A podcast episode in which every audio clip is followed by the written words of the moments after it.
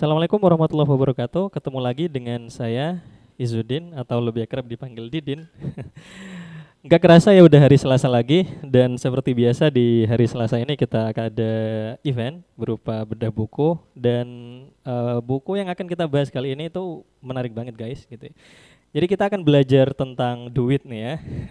Tentu duit ini adalah topik yang banyak sekali orang minati bahkan you know kayak semua orang itu hampir melakukan apa pun untuk duit. Dan kita akan pelajari duit itu bukan dari sisi matematis karena aku bukan uh, ahli matematika gitu ya. Bukan juga dari sisi akuntansi karena aku memang nggak belajar akuntan gitu ya. Tapi kita akan pelajari uh, uang ini dari sisi psikologinya gitu ya. Oleh karena itu buku yang akan kita bahas kali ini adalah The Psychology of Money karya Morgan Housel. Nah mungkin uh, teman-teman uh, bertanya gitu ya, kenapa sih uh, kita harus bedah buku ini dan kenapa buku ini yang dipilih dibandingkan buku-buku yang lain gitu ya? Nah um, menurutku gitu ya, uh, setelah kemudian aku baca bukunya uh, ada hal yang beda gitu ya dari beberapa buku-buku tentang uang atau tentang bagaimana cara mendapatkan uang atau mengelola uang gitu ya, yang um, saya pelajari pribadi ya dari buku ini. Jadi di buku ini gitu ya uh, kalau misalnya kebanyakan kita baca buku tentang finance finance gitu ya atau tentang buku-buku ekonomi gitu ya itu kebanyakan uh, membahas uang itu dari sisi matematis gitu ya. Gimana cara kita mendapatkannya terus bagaimana kemudian kita me, apa ya menambah uh, duit kita gitu ya atau ya dengan cara investasi dan macam-macam gitu ya bagaimana kita mendapatkan uh, uang uh, dalam jumlah yang banyak dalam waktu yang singkat, tips triknya itu apa aja gitu ya. Tapi di sini uh, Morgan Housel itu justru memandang bahwa sebenarnya pembahasan tentang uang itu enggak jauh-jauh dari pembahasan tentang, tentang psikologi gitu ya. Di awal bukunya ya si uh, Morgan itu dia membuat apa ya dia menceritakan se, uh, cerita dua orang gitu ya yang kontras banget gitu dan sisi kontrasnya itu dalam hal mereka mengelola uang. Jadi ada satu tokoh yang diangkat di situ namanya adalah Ronald Reed ya. Bayang uh, Ronald Reed ini dia adalah seorang janitor gitu ya yang atau kalau di Indonesia itu you know kayak uh, eh, OB gitu ya atau atau tukang bersih bersih gitu ya. Dan dia itu meninggal pada tahun 2014 uh, tapi bukan meninggalnya gitu ya yang yang menarik di sini. Tapi ketika dia meninggal si Ronald Reed ini dengan pekerjaannya yang hanya janitor atau tukang bersih-bersih waktu itu dia tuh sampai dia meninggal gitu ya uh, punya valuasi uang gitu ya. Itu sebesar 5 mil eh sorry 8 million ya. 8 million US dollar itu bukan bukan uh, bukan uang sedikit gitu ya karena karena mata mata uang ini dalam um, dolar gitu ya. Dan bukan hanya itu dia dia juga mendanai gitu ya uh, beberapa rumah sakit lokal dan juga library yang ada di um, uh, tempat dia gitu. Um, di sisi lain gitu ya ada seseorang yang namanya Richard Fascon ya Richard Fascon ini berbeda sama si Ronald Reed tadi uh, dia punya posisi yang luar biasa gitu ya. Dia sebagai uh, dia lulusan dari Harvard University dan dia juga seorang uh, banking professional gitu ya. Jadi uh, dia juga apa ya? Dia paham be betul gitu ya. Udah udah nggak cuma kuliah tapi juga pekerjaannya di bank. Jadi dia paham betul tentang uang gitu ya. Namun perbedaannya adalah di tahun 2008 dia itu bangkrut gitu ya. Di tahun 2008 dia bangkrut. Nah, dari sini kemudian uh, si Morgan itu punya kesimpulan bahwa hmm, kalau begitu yang membuat orang itu bisa wise menggunakan uangnya atau uh, yang bisa membuat orang itu uh, apa istilahnya ya um, bisa mengembangkan uangnya gitu ya atau yang membuat orang itu justru di satu sisi itu bangkrut gitu it has nothing to do with sorry with intelligence ya. Nggak ada hubungannya sama intelijensi atau kecerdasan. It has nothing to do with education backgrounds ya. Nggak ada hubungannya dengan uh, background pendidikan. Tapi lebih pada uh, behavior gitu ya. Perilaku. Nah ketika ngomongin perilaku tentu kita ngomongin psikologi. Itulah kenapa kemudian judul buku ini adalah psychology of money.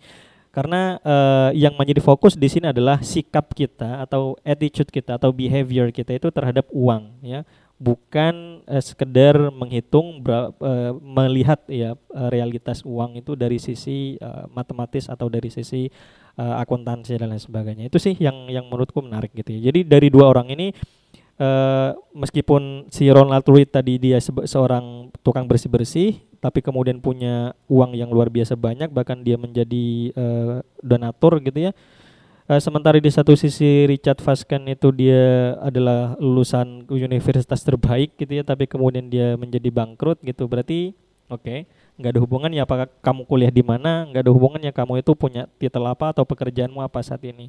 Tapi uh, lebih lebih kepada perilaku gitu ya. Si Ro, si penulis atau si Morgan ini menggambarkan bahwa perilaku si Ronald Reagan ini yang kemudian di akhir hayatnya dia men, memiliki uang 8 miliar US dollar padahal pekerjaannya itu adalah sebagai janitor waktu itu. Karena dia itu yang pertama dia itu melakukan saving atau nabung gitu ya nyimpen terus dia melakukan investasi dan juga dia uh, apa ya memiliki behavior yang berbeda dengan satunya yaitu Richard Fasken di mana si Ronald Reed ini dia itu patient, dia itu sabar orangnya gitu ya. Sementara si Richard Fasken yang lulusan kampus ternama dan juga punya pekerjaan mentereng dan kemudian bangkrut di tahun 2008 ini dia punya a behavior yang di di mana dia itu greedy gitu ya.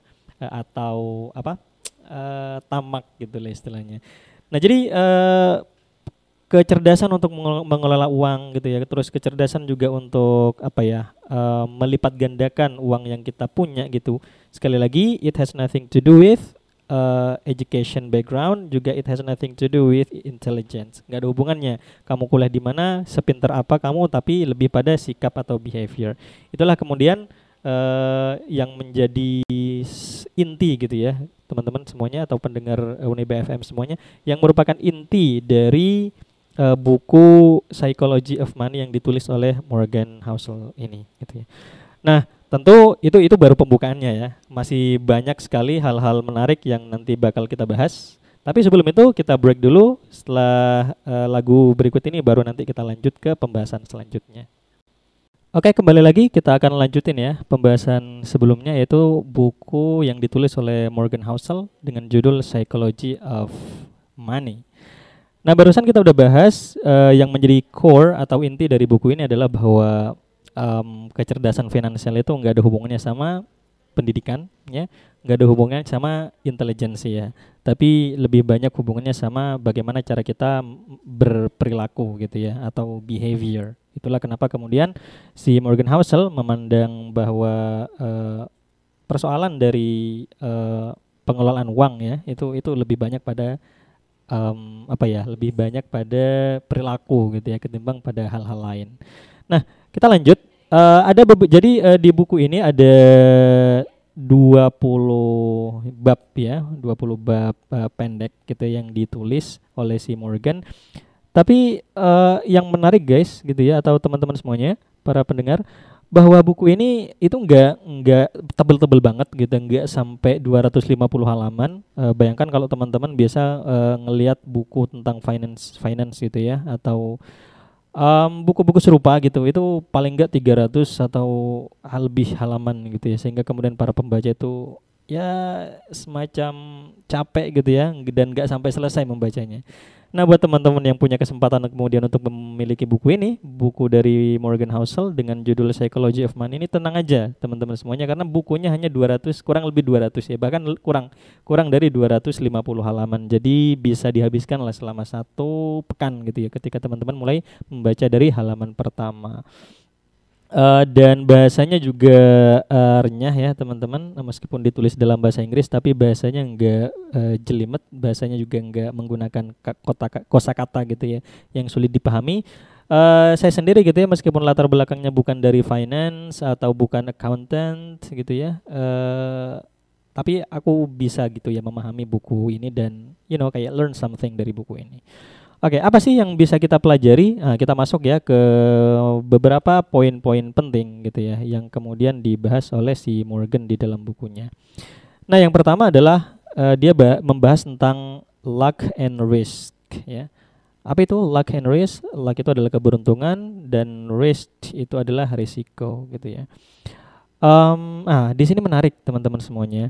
Dan ini kayaknya bakal jadi insight penting banget gitu ya buat kita semuanya. Jadi uh, di sini gitu uh, si Morgan itu punya pandangan bahwa every outcome in life gitu ya is guided by forces other than individual efforts. Jadi uh, apa pun yang terjadi pada kita gitu ya di dalam kehidupan kita sehari-hari itu lebih banyak kemudian di apa ya ditentukan gitu ya oleh kekuatan di luar sana ketimbang usaha individu kita gitu ya dan kekuatan itu apa? Jadi kekuatan itu adalah luck and risk yaitu um, keberuntungan dan juga risiko gitu ya. Dan dua hal ini keberuntungan dan risiko itu merupakan close siblings atau uh, apa ya adik kakak gitu ya. Uh, saudara kandung yang sangat dekat sekali gitu ya. Uh, jadi jadi di sini di uh, pembahasan tentang luck and risk ini si Morgan membahas bahwa the world is too complex gitu ya to allow 100% of your action to determine 100% of your outcomes jadi guys atau para pendengar gitu ya sadarlah gitu ya bahwa sebenarnya dunia ini terlalu kompleks terlalu sulit gitu ya untuk kemudian berkesimpulan bahwa 100% dari tindakan kita itulah yang menentukan 100% kesuksesan atau keberhasilan apa yang kita kerjakan gitu ya. You are one person out of more than 7 billion people and almost infinite moving part. The accidental impact of your action outside of your control can be more impactful than the ones you consistently take. Jadi uh, di dunia ini kita itu usaha hanya satu dari miliaran dari tujuh miliar orang gitu ya di dunia ini uh, makhluk yang uh, manusia gitu ya yang tinggal di dunia ini dan berharap bahwa kemudian uh, keberhasilan kita dalam hidup gitu ya terutama dalam hal segi dalam sisi finansial gitu itu adalah ditentukan oleh kontrol kita sendiri hmm, itu itu nggak make sense katanya kata si Morgan gitu ya Uh, Morgan itu membahas bahwa luck is something we tend to ignore despite it being as powerful as prevalent as risk. Sayangnya kemudian meskipun up kesuksesan kita secara finansial terutama yang menimpa kita atau yang uh, kita rasakan dalam hidup kita itu lebih banyak karena luck atau karena keberuntungan, tapi ya namanya manusia gitu ya. Uh, kita itu tend to ignore, kita itu cenderung untuk mengabaikan hal itu. Padahal gitu ya, uh, itu adalah as powerful and prevalent as risk. Kalau kita ngomongin soal keberhasilan kamu misalnya mendapatkan satu miliar pertamamu di tahun pertama atau uh, dua tahun pertama usahamu gitu, itu lebih banyak kita berbicara tentang risk yang kita ambil atau resiko yang kita ambil. Hmm, sedikit sekali gitu ya kita bahas tentang luck atau keberuntungan di balik keberhasilan kita gitu. Ya. Pertanyaannya kenapa demikian gitu ya? Karena begini, to identify your success not as the product of hard work but the result of a fickle or random force or luck ya, reduces the celebratory feeling and satisfaction of achievement.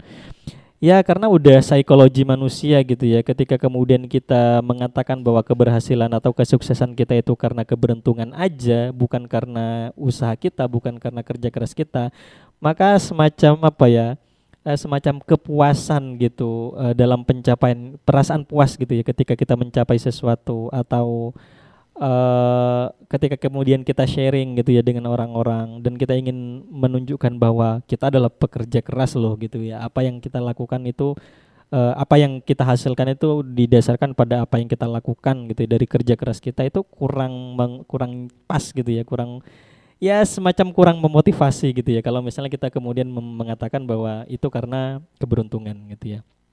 Terus uh, di satu sisi gitu ya uh, to accuse others uh, success as being the product of luck makes you seem rude and jealous. Itu jadi jadi ya psikologi kita gitu ya ketika kemudian kita mengukur kesuksesan diri kita pribadi terus kita me mengaitkannya dengan keberuntungan itu semacam bahwa kita itu uh, ya kurang kerja keras gitu ya kurang bekerja keras dan nggak nggak nggak motivational istilahnya nggak memberikan motivasi gitu ya. Sebaliknya gitu justru kita cenderung meng apa ya kita itu cenderung menjudge orang lain kesuksesan orang lain itu justru bahwa wah dia pasti beruntung gitu. Jadi ketika ketika when it comes to ourselves ketika itu berkenan dengan diri kita kita menghindari gitu ya uh, apa uh, persepsi bahwa yang kita dapatkan itu karena keberuntungan. Sebaliknya, ketika kemudian kita mengukur kesuksesan orang lain, eh malah kemudian kita bilang wah itu karena keberuntungan. Ya itu psikologi manusia semacam itu gitu ya. Um, jadi uh, intinya yang pengen di apa ya, yang pengen dijelaskan di uh, uh, bab pertama ini atau salah satu bab yang paling penting menurutku gitu ya di buku ini bahwa be careful when assuming that 100% of your outcomes can be attributed to individual effort and personal decision. Jadi hati-hati gitu ya bahwa ketika kemudian teman-teman itu membuat judgement bahwa 100% dari keberhasilanmu itu karena atau dilekatkan gitu ya pada usaha pribadimu atau keputusan-keputusan pribadi yang kamu ambil. No, bukan karena itu. Ingat di sini ada quote yang menarik banget gitu yang pengen aku share ke teman-teman semuanya. Uh, si Morgan menulis bahwa not all success is due to hard work and not all poverty is due to laziness. Keep this in mind when you judging when you judge people, including yourself. Jadi nggak semua kesuksesan itu karena kerja keras loh. Dan begitu juga sebaliknya nggak semua uh, penderitaan atau kemiskinan itu karena kemalasan gitu ya. Keep this in mind. Uh, uh, apa? Camkan itu gitu ya when judging people ketika kamu itu menjudge orang lain including yourself termasuk kemudian ketika kamu menjudge yourself gitu ya. Itu uh, poin yang nancep banget gitu ya buat kita para pembaca dan juga uh, yang yang yang membaca tentu buku ini gitu ya. Dan yang selama ini mungkin merasa bahwa kita terlalu kayak semacam ya terlalu sombong gitu ya dengan apa yang kita dapatkan. Seakan-akan itu adalah kerja keras kita sendiri bah dan seakan-akan bahwa uh, kita yang kemudian deserve untuk apa ya uh, kita apa ya kitalah yang kemudian uh, paling apa kontributor gitu ya paling utama dalam kesuksesan kita padahal enggak gitu. Kita melupakan hal yang itu signifikan banget tapi sering kita laku, uh, lupakan yaitu uh, luck atau keberuntungan. Oke? Okay? uh, menarik bukan? Nah tapi sebelum lanjut nih sebelum uh, ke topik-topik selanjutnya itu itu itu baru pembukaan ya guys. Masih banyak lagi topik-topik menarik yang akan kita bahas. Tapi setelah break dari lagu uh, yang satu ini. Oke kembali lagi ya. Sekarang kita lanjut ke pembahasan selanjutnya teman-teman semuanya dan para pendengar Uniba FM di mana pun berada. Uh, sebelumnya kita udah bahas tentang risk and luck gitu ya, bahwa uh, kadang kita cenderung menafikan bahwa sebenarnya kesuksesan dan keberhasilan finansial dan termasuk finansial gitu ya dalam kehidupan kita disebabkan karena um, keberuntungan ya, ketimbang apa yang kita lakukan sendiri.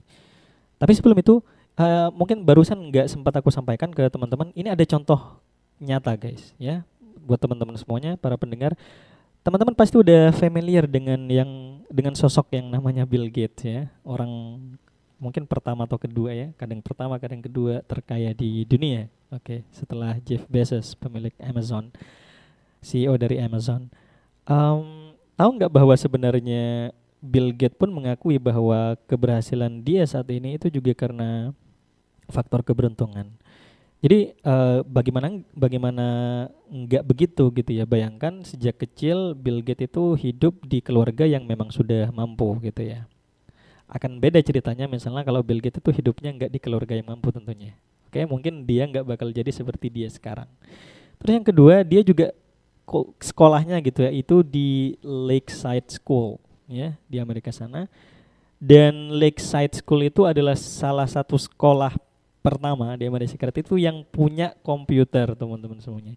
Jadi Bill Gates itu punya kesempatan untuk main komputer karena sekolah itu adalah sekolah salah satu sekolah yang memiliki komputer pada saat itu. Bayangkan kalau misalnya di sekolah di tempat lain, nggak sekolah di tempat itu gitu, mungkin nggak bakal ada Microsoft ya sampai sekarang. Dan Bill Gates juga mengakui hal itu, gitu ya. Seandainya nggak ada Lakeside, maka nggak bakalan ada Microsoft kata dia. Dan yang ketiga, Bill Gates itu sebenarnya punya teman yang namanya itu adalah Ken Evans, eh, Evans atau Evans ya, Evans ya, Ken Evans. Uh, dia punya teman si Bill Gates ini dan si Ken ini genius banget gitu ya. Bahkan mungkin Bill Gates banyak belajar dari temannya itu, dari si Ken ini. Dan kalau kita prediksi gitu ya, dengan kemampuan Kent, maka sebenarnya kalaupun sekarang itu ada Microsoft mungkin yang menjadi uh, apa ya yang menjadi penemunya atau pendirinya, foundernya atau yang paling dominan lah gitu ya. Dibandingkan Bill Gates itu adalah sosok Ken ini. Tapi kenapa uh, malah Bill Gates yang muncul bukan Ken? Nah, karena kemudian uh, pada saat itu mereka mendaki gitu ya dan si Ken ini meninggal ketika mendaki pada waktu itu. Jadi dia nggak sempat kemudian meng apa ya mengaplikasikan atau mewujudkan mimpi-mimpinya terutama untuk membangun operating system ya yang sekarang kemudian menjadi Windows saat itu sehingga kemudian jadilah Bill Gates seperti saat ini yang kita kenal jadi banyak ya sebenarnya dalam hidup kita gitu yang itu sebenarnya karena faktor keberuntungan ketimbang karena usaha kita sendiri oke okay. Dan ketika kemudian kita pengen belajar, terutama buat ya sama ya, aku juga belajar, para pendengar juga belajar, teman-teman juga pada belajar gitu ya, e, terus membaca biografi atau sosok-sosok orang-orang e, yang secara finansial mereka sudah mapan gitu ya, dan kita pengen seperti mereka gitu ya. E, biasanya e, kita baca biografi mereka dan lain sebagainya. Padahal di situ ada apa ya, teman-teman semuanya. Perlu teman-teman sadari bahwa yang namanya keberuntungan yang maksudnya eh, orang-orang uh, seperti Bill Gates uh, atau orang-orang seperti Steve Jobs, Jeff Bezos dan lain sebagainya, orang-orang yang luar biasa yang kemudian menjadi banyak uh, apa ya? Ya menjadi panutan gitu bagi bagi banyak orang terutama mereka yang pengen uh, membangun perusahaan dan lain sebagainya gitu ya. Atau uh, bahkan buat kita kita gitu yang mahasiswa mungkin ada teman-teman yang mengidolakan tokoh-tokoh seperti itu gitu ya uh, mereka gitu ya. Cuman uh, teman-teman harus pahami dan ini yang yang kemudian di apa ya di um, kasih catatan sama si Morgan dalam bukunya. Dia dia menulis bahwa the more extreme the outcome the less likely you can apply its lesson to your own life. Ya jadi kalau teman-teman pengen misalnya seperti Bill Gates atau seperti Jeff Bezos menjadi satu atau dua nomor dua gitu ya orang terkaya di dunia maka semakin ekstrim keinginan kita yaitu semakin uh, besar mimpi kita maka the less likely you can apply its lesson to your own life. Semakin besar juga gitu ya uh, tantangan kita untuk kemudian mengaplikasikan apa yang mereka udah lakukan dan mengaplikasi uh, dan mengikuti jejak mereka sampai mereka mencapai apa yang mereka inginkan dalam kehidupan pribadi kita. Kenapa? Karena outcome yang besar itu ya because the more likely the outcome was influenced by the extreme ends of luck and risk. Jadi uh, bukan karena kita nggak bisa niru gaya niru apa ya kayak rutinitas Bill Gates atau kehidupan sehari-hari si Jeff Bezos bukan bukan itu bukan tapi karena semakin besar, semakin ambisius uh, outcome atau tujuan kemudian yang kita inginkan, maka dia membutuhkan luck ya, membutuhkan keberuntungan dan risk juga yang lebih besar. Dan keberuntungan dan risk atau risiko itu nggak datang ke setiap orang dengan wujud yang sama gitu loh guys. Atau para pendengar semuanya. Jadi be careful ya be careful. Tapi paling enggak uh, kita kita enggak harus lah seperti menjadi seperti mereka, menjadi orang terkaya di dunia atau di Indonesia dan lain sebagainya. Tapi paling enggak kita bisa mempelajari hal-hal yang bisa kita pelajari dan bisa kita aplikasikan dalam kehidupan kita sehari-hari. Oleh karena itu pesan si Morgan di sini kalau kamu memang pengen contoh gitu orang yang punya uh, orang yang pengen kamu apa punya contoh jadikan orang yang pengen uh, pilih orang yang pengen kamu jadikan contoh itu adalah orang-orang yang itu paling enggak uh, se apa ya beberapa level di atasmu dan itu nggak terlalu tinggi gitu ya. Karena karena dari situ kita bisa belajar dan syukur-syukur kita bisa meniru mereka gitu ya. Oke lanjut ke pembahasan selanjutnya yaitu tentang getting wealthy and staying wealthy. Nah tentu eh, nggak uh, tahu ya kalau di bahasa Indonesia kan ini enaknya gimana. Getting wealthy itu uh, menjadi kaya staying wealthy itu tetap menjadi kaya. Uh, beda ya. Jadi getting wealthy versus staying wealthy gitu ya. Uh, jadi begini, si um, Morgan di sini membahas bahwa untuk getting wealthy ya, untuk menjadi memiliki ke kekayaan gitu ya, itu satu hal. Sementara untuk tetap menjadi kaya itu hal lain. Jadi ini membutuhkan dua psikologi yang berbeda teman-teman semuanya ya.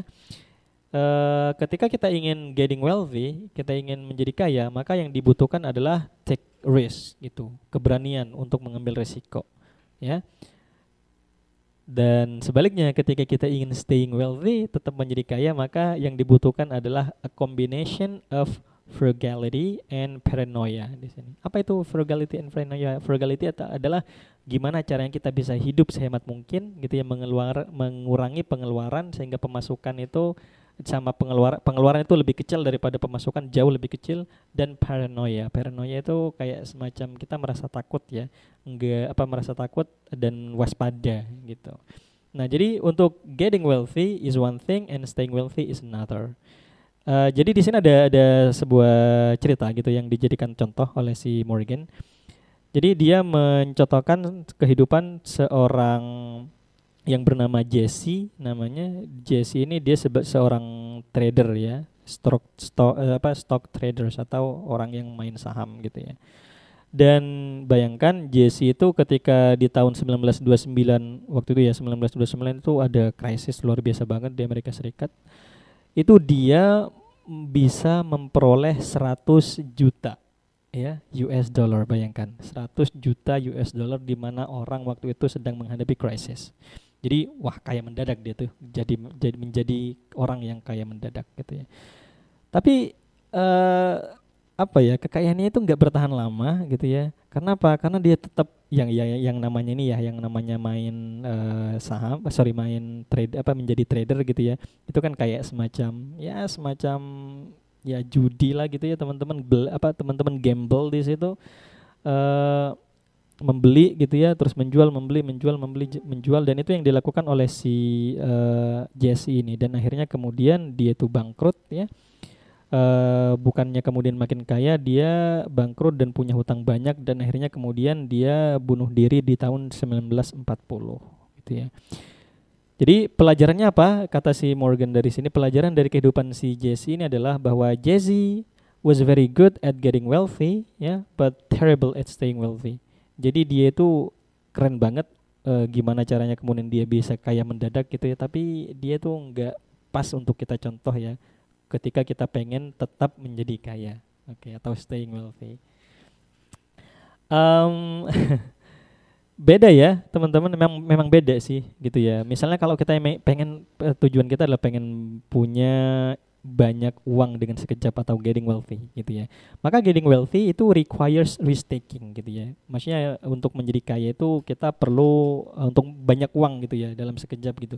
Kita ke, perlu untuk mengambil resiko gitu ya. Terus kita juga perlu punya optimisme gitu ya terus kita juga apa ya intinya keluar dari zona nyaman gitu lah orang orang sering bilang gitu ya tapi sebaliknya ketika kita ingin staying wealthy atau staying rich gitu ya tetap menjadi kaya uh, apa uang yang udah kita kumpulkan itu tetap uh, terkumpul dan uh, nggak ke mana-mana dan kita tetap bisa menikmatinya sampai uh, waktu yang lama ya itu dibutuhkan uh, frugality. Gimana caranya kita itu berhati-hati banget gitu ya, uh, hemat banget dengan apa yang kita gunakan uh, uang yang kita gunakan gitu ya. Terus juga ada health dose of paranoia di situ. Jadi ada semacam uh, dosis dosis yang masih sehat sih gitu ya. Bagaimana kita itu tetap menjaga, intinya nggak nggak terlalu takut kehilangan banget gitu ya. Tapi kita tetap punya perasaan gimana caranya kita bisa tetap menjaga apa yang udah kita dapat sehingga kita bisa tetap survive gitu ya.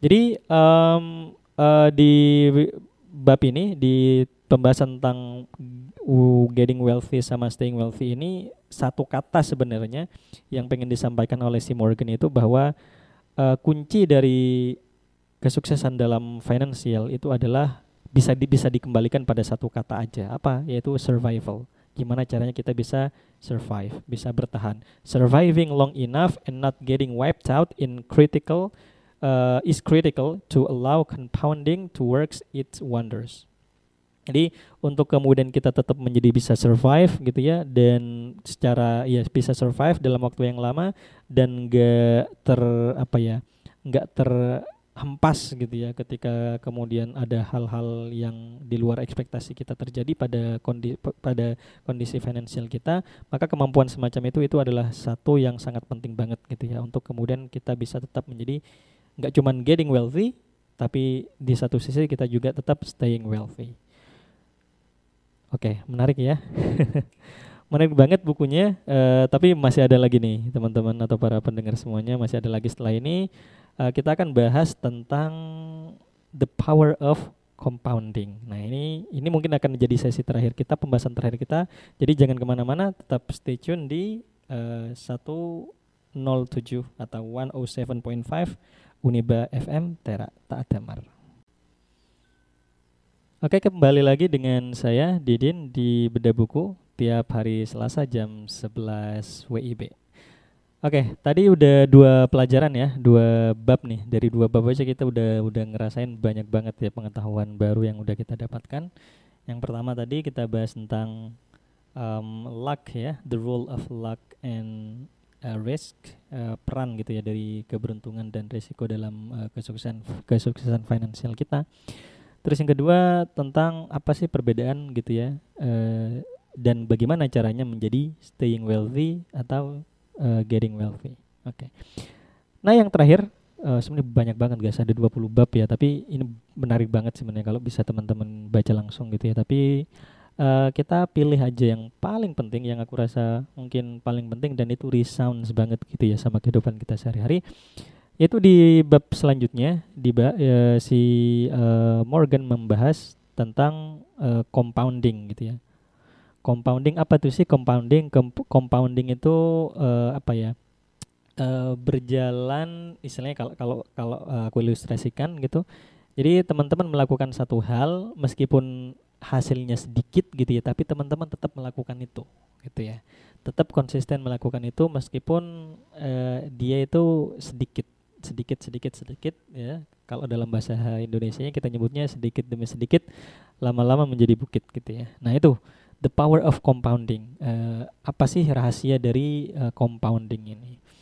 Nah mungkin uh, kalau teman-teman uh, aku sebutkan satu tokoh ini pasti teman-teman tahu siapa sosok beliau gitu ya. Namanya adalah Warren Buffett. Ada yang tahu Warren Buffett? Ya pasti ya teman-teman udah udah pada tahu gitu ya. Dia dia kaya raya banget gitu ya. Bahkan menjadi banyak idola buat para trader gitu ya yang sering main uh, stok gitu ya. Nah uh, si Warren ini dia memperoleh uh, apa istilahnya netnya gitu ya atau atau uang yang dia punya gitu ya, sampai saat ini itu sekitar 284,5 billion ya dollar teman-teman ya. Bukan million tapi pakai B billion. 84,5 uh, billion uh, dollar US dollar. Atau 84,5 miliar gitu ya. Nah ini ini ketika buku ini ditulis ya. Entah sekarang mungkin lebih banyak daripada itu. Tapi tahu nggak teman-teman semuanya bahwa dari 84,5 miliar itu 81,5-nya ya 81,5 miliarnya dari 84,5 miliar itu itu dia dapatkan si Warren itu dapatkan ketika dia ulang tahun ke-65-nya. Gitu ya. Jadi it takes time, butuh waktu gitu ya. Butuh waktu gitu ya. Jadi uh, si uh, Morgan di sini menulis Warren Buffett's fortune is due to him being a good investor since he was a child. Jadi apa yang dia dapatkan 84,5 yang dia dapatkan sekarang pada tahun pada usianya pada usia si Warren itu eh, uh, 65 itu rahasianya adalah karena dia melakukan itu itu udah sejak, sejak kecil gitu ya. Jadi sejak kecil dia itu udah menjadi investor yang baik gitu ya. His secret in is investing is time. Mungkin pekerjaan dia adalah investasi tapi his secret rahasianya adalah time. Rahasianya adalah waktu. He has been investing for three quarters of a century. Dia udah tiga perempat abad gitu ya melakukan investasi dan pekerjaan memang di situ. Jadi uh, butuh waktu lama, nggak singkat ya teman-teman gitu ya. Jadi uh, apa sih yang bisa kita pelajari dari uh, fakta bahwa uh, inilah yang terjadi pada Warren gitu ya? Yaitu dia meskipun kemudian dia itu 84 mem memiliki gitu ya kekayaan sebesar 84,5 miliar US dollar di usia yang ke-65 uh, sorry uh, uh, ke kekayaan dia itu 84,5 gitu ya dan dia baru mendapatkannya itu ya mencapai 81,5 miliar kekayaan itu pada tahun uh, pada ulang tahun ke-65-nya yang bisa kita pelajari adalah di sini bahwa uh, ketika teman-teman pengen investasi misalnya ya, ini ngomongin soal investasi, uh, kata si Morgan, good investing isn't about necessarily earnings the highest return, but about earning moderately good returns for the longest period of time. Jadi kalau teman-teman ngomongin investasi, maka investasi yang bagus itu adalah bukan investasi yang menjanjikan sebanyak-banyaknya keuntungan. No, kata si Morgan. Tapi uh, investasi yang menjanjikan keuntungan meskipun dia itu moderate hasilnya nggak terlalu nggak membludak banyak banget tiba-tiba gitu ya mendadak kayak mendadak gitu tapi itu terjadi pad, terjadi untuk the longest period of time terjadi pada uh, waktu yang lama gitu ya jadi nggak singkat. This is where compounding really works ya. Jadi inilah yang dimaksud dengan compounding. Ditata sedikit demi sedikit gitu ya akhirnya kemudian uh, menjadi uh, hasilnya bisa bisa kemudian kita nikmati someday suatu saat. Ini juga ya yang sebenarnya mungkin uh, kita menjadi heran gitu ya kok bisa gitu ya orang-orang yang ya orang-orang yang udah rada tua gitu ya tapi dia bisa naik haji gitu ya.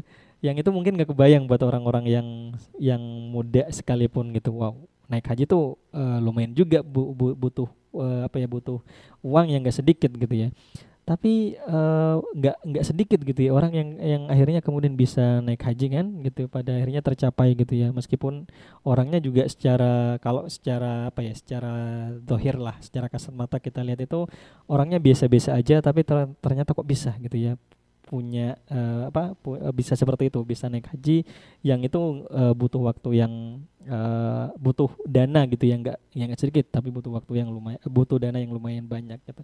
Salah satunya ini ya. Jadi ini ini juga juga bisa kita uh, bisa kita implementasikan gitu. Bisa kita jadikan sebagai analisis gitu ya. The power of compounding ini. Kekuatan dari apa yang disebut dengan compounding. Sedikit sedikit demi sedikit lama-lama menjadi bukit gitu ya. Itu yang terjadi para pada Warren Buffett, itu juga yang terjadi pada orang-orang uh, di sekitar kita yang tanpa kita sangka-sangka ternyata dia bisa naik haji gitu ya, tanpa kemudian uh, kita sangka-sangka bahwa ternyata mungkin kita menganggapnya uh, secara ekonomi dia termasuk kelas menengah ke bawah gitu wow. Tapi ternyata dia bisa melakukan apa yang nggak semua orang itu bisa lakukan gitu ya. Misalnya dengan cara naik haji dengan cara mereka itu kayak ya menabung sedikit demi sedikit ya akhirnya kemudian uh, tercapailah apa yang mereka inginkan. Oke. okay. Jadi dari tiga bab yang udah kita bahas ini, teman-teman udah bisa merasakan ya betapa pentingnya nih buku The Power, eh, sorry buku The Psychology of uh, Money yang ditulis oleh Morgan Housel ini. Bayangkan ada 20 bab gitu ya. Ini kita baru bahas tiga bab dan udah banyak banget insight yang kita dapat.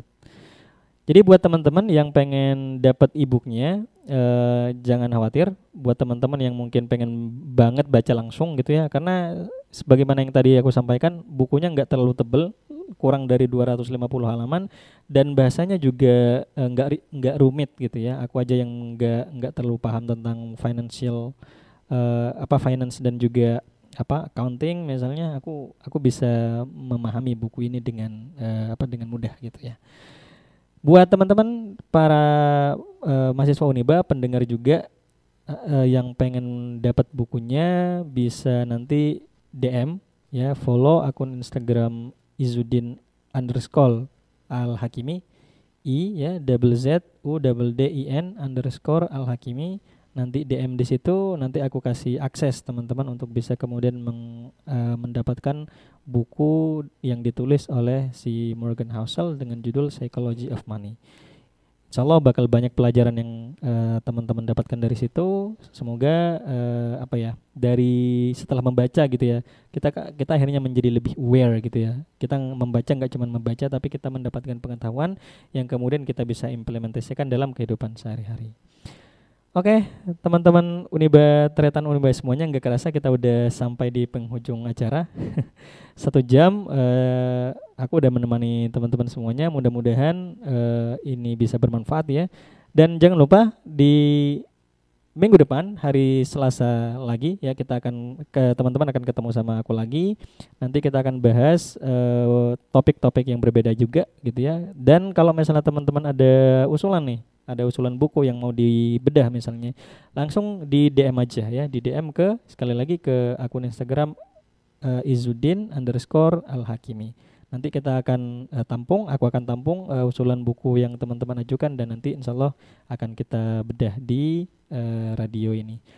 Oke, okay, itu semoga bermanfaat. Uh, have a good day ya, yeah, and see you guys next Tuesday at the same time 11 a.m. WIB ya. Yeah. So